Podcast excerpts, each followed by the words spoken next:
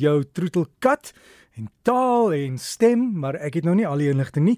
Mense wat die navorsing doen is by Noordwes Universiteit en dis onder leiding van 'n professor Rialet Pieters. Ek hoop dit gaan goed met jou, Rialet, en jy het al die navorsing oor ons troetelkatte gedoen, hè? Môre Derek, ja, uh dis maar net opleeswerk van ander mense se navorsing. Ons doen nou nie spesifiek hierdie soort werk hier by ons universiteit nie.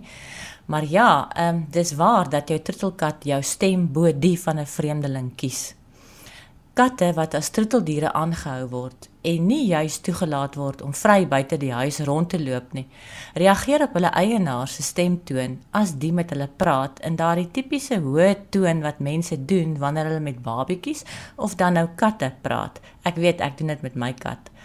Dis die bevindinge van Charles de Mousson en medewerkers in Parys, Frankryk in hulle publikasie wat in Augustus van hierdie jaar aanlyn in die wetenskapjoernaal Animal Cognition verskyn het. Hulle steekproef was bietjie aan die klein kant want hulle het net 16 katte in hulle eksperiment gehad, 9 mannetjies en 7 wyfies. Die katte was die enkel troeteldier van 'n meisie of lid van 'n paar katte wat deur heteroseksuele paartjies aangehou is. Die katte se ouderdom het gewissel van 8 maande tot 2 jaar en die kateienaars was almal veeartsenystudente aan die nasionale veeartsenyskool in Alfred naby Parys. Die navorsingsspan het klankopnames gemaak van die kateienaars wanneer hulle hulle katte roep in daardie hoë stemtoon wat hulle normaalweg gebruik. Die kateienaars moes ook die volgende sinsnede sê: Wil jy speel? Wil jy eet? Sien jou later en hoe gaan dit met jou? Hulle moes dit een keer sê asof hulle met die kat praat, dit wil sê in die hoë stemtoon of die kat stemtoon, en dan ook asof hulle met 'n volwasse mens praat, die mens stemtoon.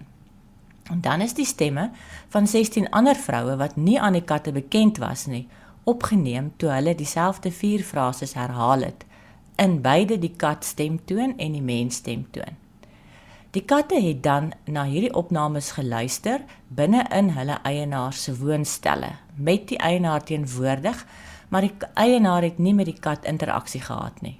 Die navorsers het dan dopgehou hoe die kat op die onderskeie opnames reageer. Hulle het alle verandering in gedrag getel as bewys daarvan dat die kat sy eienaar se stem herken. As 'n kat vir 10 sekondes voor die opname gespeel is, rustend was en binne 10 sekondes nadat die opname begin speel het, sy gedrag verander het, dan het dit nou getel as bewys van reaksie. Die veranderde gedrag kon enigiets insluit van opkyk na die persoon wat die bandopnemer speel tot kwispel van die stert, beweging van die ore, opstaan en rondloop, die kat wat skielik na sy eienaar kyk om maar 'n paar van die tipiese katgedrag te noem.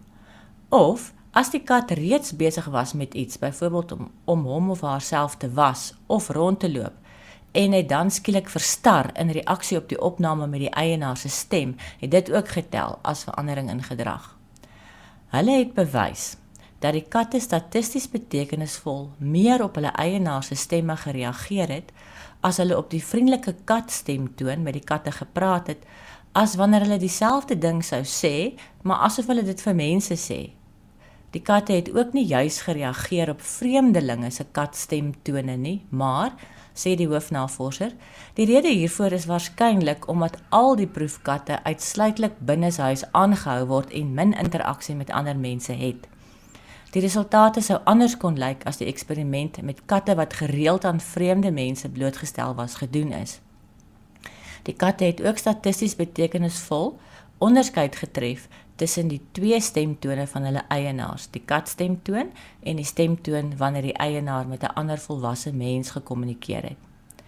Die bevindinge van hierdie studie mag vir kateienaars nou nie juis verrassend wees nie, want ons weet eintlik hierdie goed van ons katte.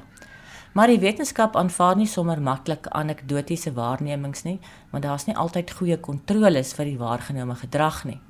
Maar in goeie wetenskaplike eksperimentering word alle faktore wat potensieel 'n uitwerking op die saak van belang kan hê, konstant gehou en net een daarvan word gevarieer. In hierdie studie byvoorbeeld is die sinsnede wat die mense moes sê in katstemtoon en mensstemtoon presies dieselfde, net om seker te maak dat die katte nie dalkies Frans verstaan nie. Die katte het dus net op die eienaar se stemtoon gereageer.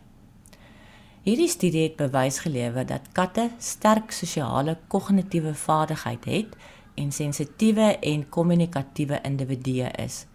Die katte in hierdie spesifieke studie is baie afhanklik van die interaksie van die een of dan nou die twee mense met wie hulle 'n woonstel deel.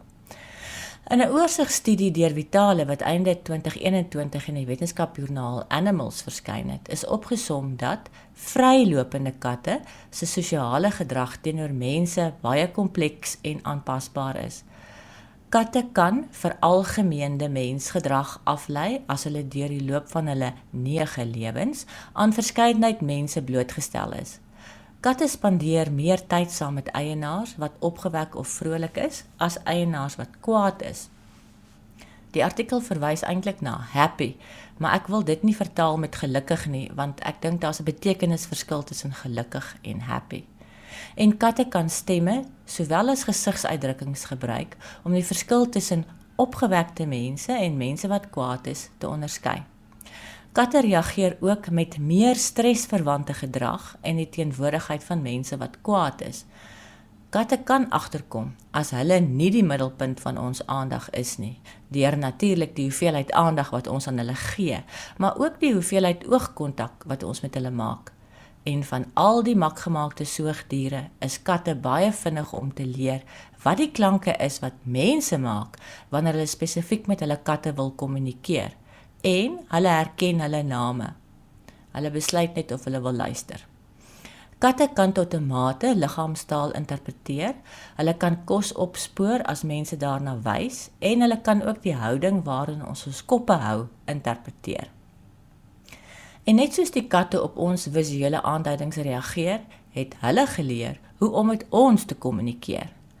Katte spin op 'n ander toonhoogte as hulle iets van ons wil hê, as wanneer hulle net spin omdat hulle lekker kry. Daar's so effens 'n melktjie saam met die spin wat jou aanmoedig om tog net maar op te staan en die pierentjie melk te gee. En selfs mense wat nie katte aanhou nie, kan die onderskeid hoor. Katte kan net soos honde leer om hulle eienaar se handelings na te boots. Daar's redelik min bekend oor wanneer die eerste wilde katte deur die mens mak gemaak is, maar mitokondriale DNA wat versamel is van die huiskat en met die van die moderne wilde kat vergelyk is, wil dit hê dat die matriarg van die huiskat, Felis silvestris catus, die Afrika, Afrika wilde kat is, Felis silvestris libica wat in Afrika en die Midde-Ooste voorkom. 'n wilde kat toonbeentjie wat by argeologiese opgrawing van 'n menslike nedersetting in Siprus gevind is, dateer tussen 11000 en 10500 jaar gelede en die eerste onteenseglike bewyse van die nou verband tussen die mens en kat dateer 9500 jaar terug. Dis gevind by 'n ander opgrawe ook in Siprus waar die gebeentes van 'n kat wat saam met 'n mens begrawe is, opgediep is. In China is bewyse gevind dat die mens en die kat saamgeleef het reeds so wat 5560 tot 5280 jaar gelede. En ons weet dat die Egiptenare se katte omgesien het. Ehm uh, na hulle katte omgesien het uit die Egiptiese kuns wat 4000 jaar oud is. Ek het foto's van ons katte op omgewingsbraaitjie se Facebookblad geplaas. Hulle is Patrys en die twee boeties Sokkies en Smook almal opregte optelkatte. Gaan kyk gerus. Dankie Rialet en ek is ook altyd gefassineerd oor hoekom hulle voor skerms moet lê, rekenaarskerms veral. Ja, of sommer net bo op die toetse of as jy besig is met 'n Zoom vergadering, dan lê hulle ook daar oor die hele rekenaar. Rialet, dankie. Ons sal gaan kyk vir die fotos en jy sal dit kan sien daar op die Breakfast Facebookblad. As jy wil kontak maak, dalk idee het oor iets waaroor ons kan gesels, jy is welkom om te e-pos omgewing by rsg www.co.za en dit was professor Jalet Pieters betrokke by Noordwes Universiteit. Miau, miau.